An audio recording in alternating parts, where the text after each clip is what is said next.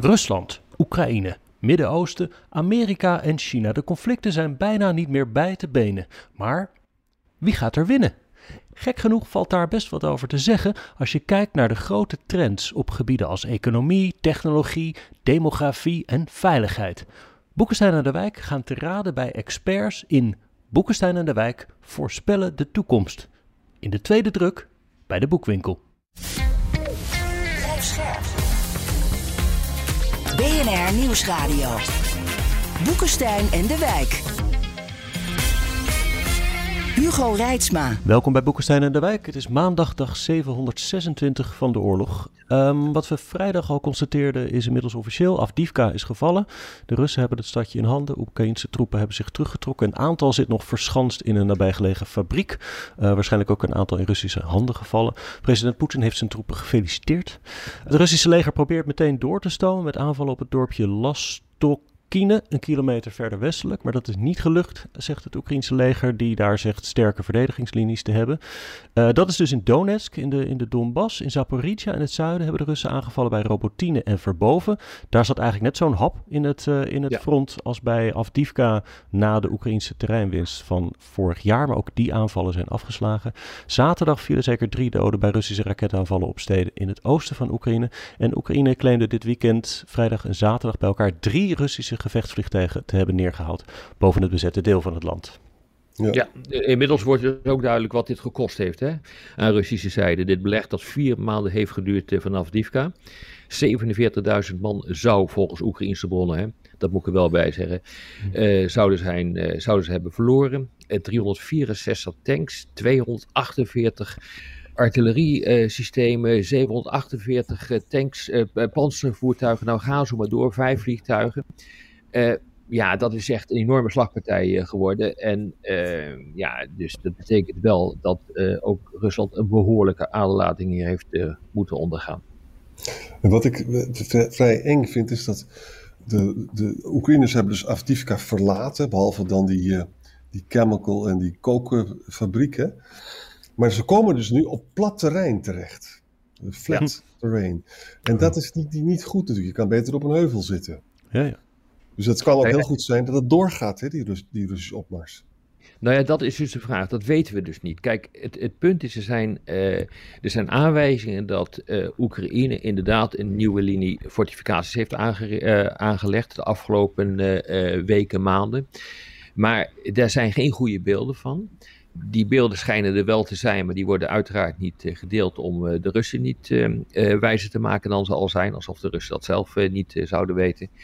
maar in ieder geval zijn er toch wel onder veel experts die ik, die ik zie, dat daar toch wel twijfels over zijn of, over zijn of dit nou echt voldoende is en of hierdoor Rusland daadwerkelijk kan worden tegengehouden. Hm. kijk naar wat de mulbloggers in de Russische mailbloggers uh, zeggen. Uh, die zeggen van nou, ze kunnen niet direct de Russen doorstoten. Dus Oekraïne kan ze nog wel even tegenhouden. Maar het probleem is echt gewoon een gebrek aan geprepareerde fortificaties. Waar, nou ja, zoals we weten, de Russen maanden aan hebben ge gewerkt. Waardoor dat roemruchte voorjaarsoffensief van vorig jaar eigenlijk compleet in stuk gelopen. En nu is de grote vraag, loopt Rusland nu ook stuk op die fortificaties? En die, die vraag is op dit ogenblik niet goed te beantwoorden, denk ik. Ja, zeker ook omdat Oekraïne natuurlijk kampt met een tekort aan uh, materieel en manschappen. President Zelensky heeft uh, het verlies van Avdivka bij de Veiligheidsconferentie in München aangegrepen voor een hernieuwd, bijna wanhopig klinkend pleidooi voor meer wapens van het Westen. Ja. Ja, ja dat is ook zo. Ja, en Denemarken biedt aan uh, om al zijn artillerie nu te geven aan Oekraïne. En, de, en de Tsjechische Republiek die had nog 800.000 granaten ergens liggen. En die kunnen binnen een paar weken daar zijn. Zo. Opeens, opeens kunnen er allemaal dingen. Dat is best een hoop. Ja, dat is, dat is echt veel, ja.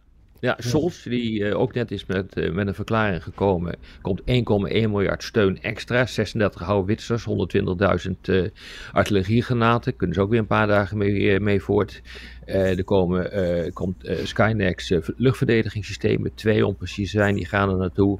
Nieuwe raketten voor de RST, het luchtverdedigingssysteem.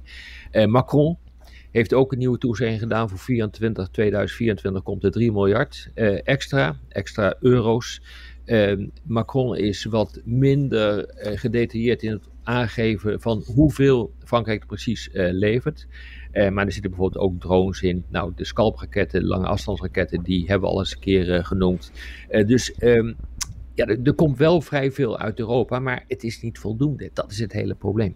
Ja.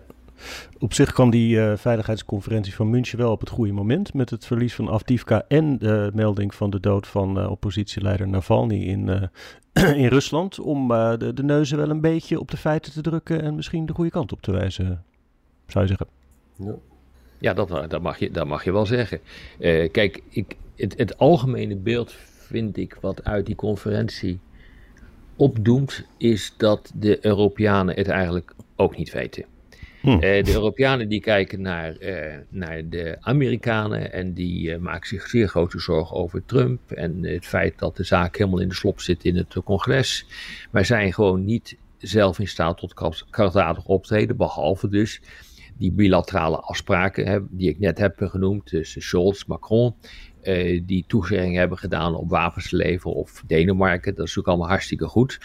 Uh, maar het is allemaal te weinig. Uh, dus er, er, moet meer gebeuren. En iedereen die, ja, die, eh, die, die, die gaat toch om de hete brei heen hoe dat dan precies zou moeten. Er zijn grote terughoudendheden over hoe bijvoorbeeld de defensieindustrie uh, moet worden opgekrikt. Uh, dus vanuit Frankrijk uh, is nou het idee eh, gekomen om bijvoorbeeld dat te doen door, het, ehm, door het gezamenlijk aangaan van schulden. Hè. Dat is ook tijdens de coronacrisis ja. ge gebeurd. Mm -hmm. Maar ja, de Duitsers die voelen daar weer minder voor. Die zeggen ja, dat kunnen we veel beter doen door middel van private aanbesteding. Maar op, dit, op deze manier schiet het natuurlijk gewoon niet op. Ik bedoel, er moet nu wat gebeuren. En wat doen we weer? We blijven weer doorzeuren en zadelijken over geld en procedures. En vervolgens willen we een fabriek neerzetten. En dan komt natuurlijk uh, de halve bevolking in, in, in, in opstand die dat niet wil. Dus dit is, een, dit is echt een geweldig probleem hoor. Die inertie in Europa is werkelijk stuit. En dat bleek ook vind ik tijdens die, uh, uh, veiligheidsconferentie van München. Nou, wat je ook ziet is dat. Kijk, we hebben in München dus dat enorme munitietekort, hè, waar, waar Zelensky wanhopig natuurlijk op reageert. En we zien natuurlijk ook die ellende met Navalny, hè, die overleden is, hè, misschien wel vermoord is. Hè. En dat leidt ertoe dat er ook weer stemmen opgaan om die Taurus, weet je, die beroemde Duitse raket te leveren. Huh. En er wordt gezegd door die FDP, Marie-Agnes Strack-Zimmermann, dat is dus een Bundestag-abgeordnete, maar die gaat ook, is ook een spitsenkandidaat bij de Europa wel, bij de Europese verkiezingen. Maar goed, dat is FDP, hè, dat is natuurlijk een minderheid.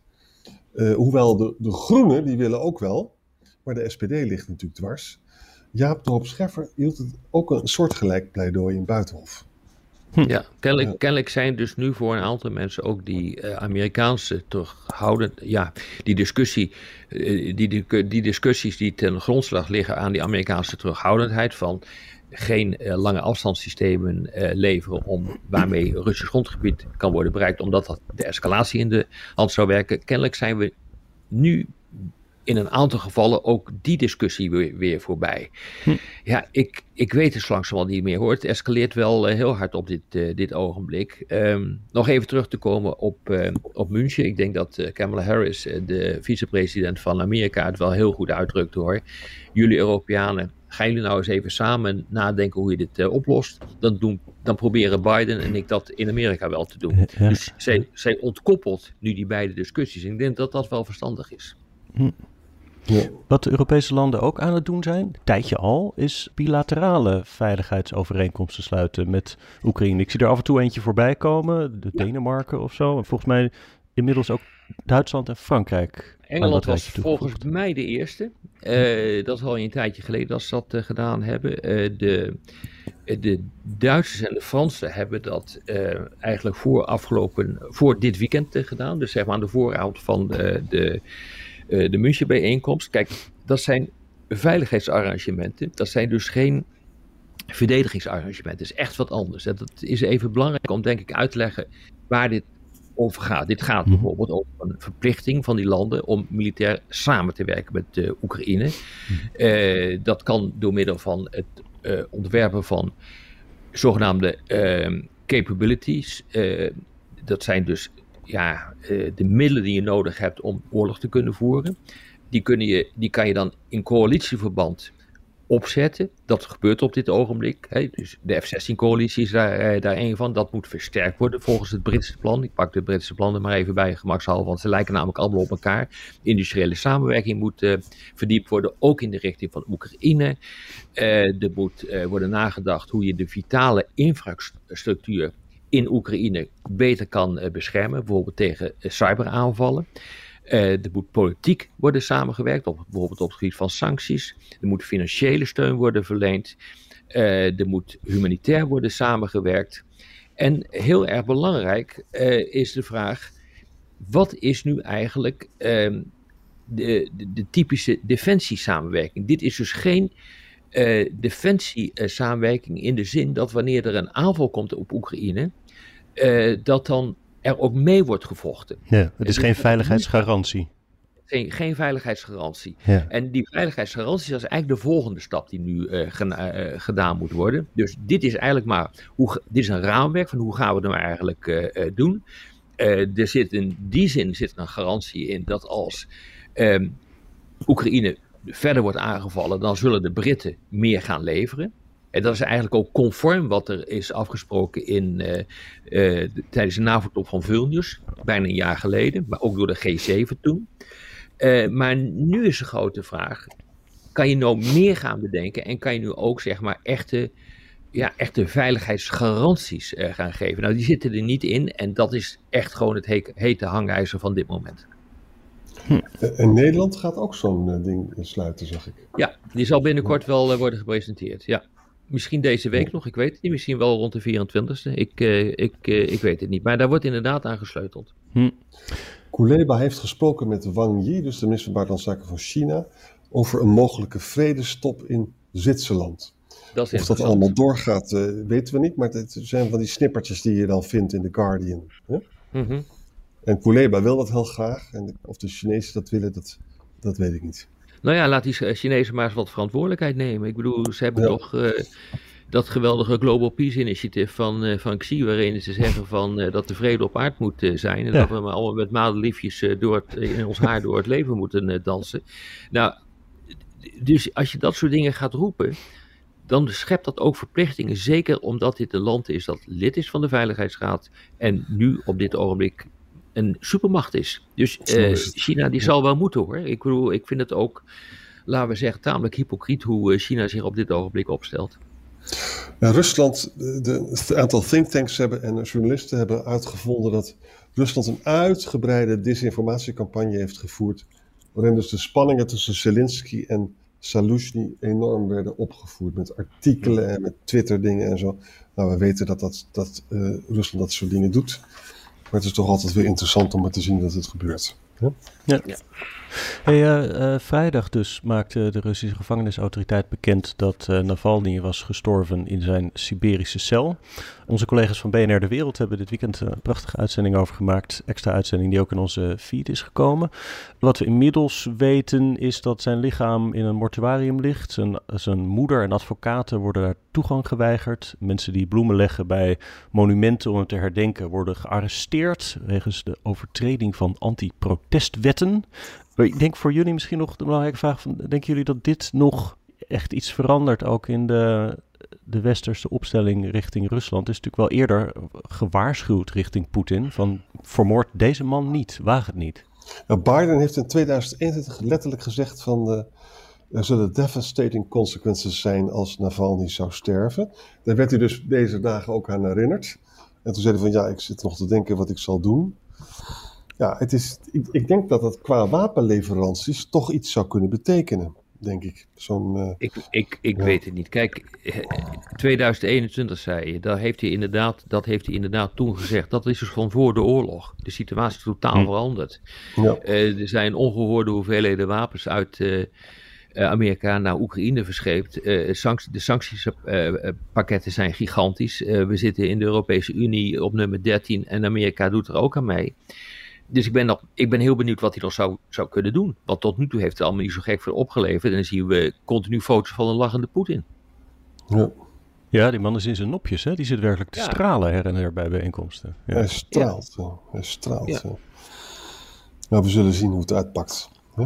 Laten we door naar het Midden-Oosten. Ik denk van de grond niet zo heel veel te melden. Ja, er gebeurt van alles. Maar ik zag vooral dat eh, Benny Gantz, die Israëlische minister die is toegetreden tot het Veiligheidskabinet, zegt dat eh, Hamas, als ze alle gegijzelden vrijlaten, een grondoffensief op Rafah kunnen voorkomen. Ja, en dat moet dan gebeuren voor de Ramadan. Ja, dus ze hebben Ja. nog pakweg twee, twee, drie weken, zoiets is het, hè? Zo, zoiets. Eh, nou, ik vind dat op zich wel verstandig. Kijk, vanuit strategisch oogpunt eh, moet je altijd een ultimatum stellen. Eh, en dan geef je de tegenstander eh, dan ook de tijd om daarop, zich daarop voor te bereiden, om erover na te gaan denken. Wat mij echt- is opgevallen bij deze hele oorlog, is dat er zo weinig echte ultimata zijn gesteld met een, met een hel- heldere deadline. En dat gebeurt dus nu wel door Gans. Dus dat is op zich, denk ik, is dat goed nieuws.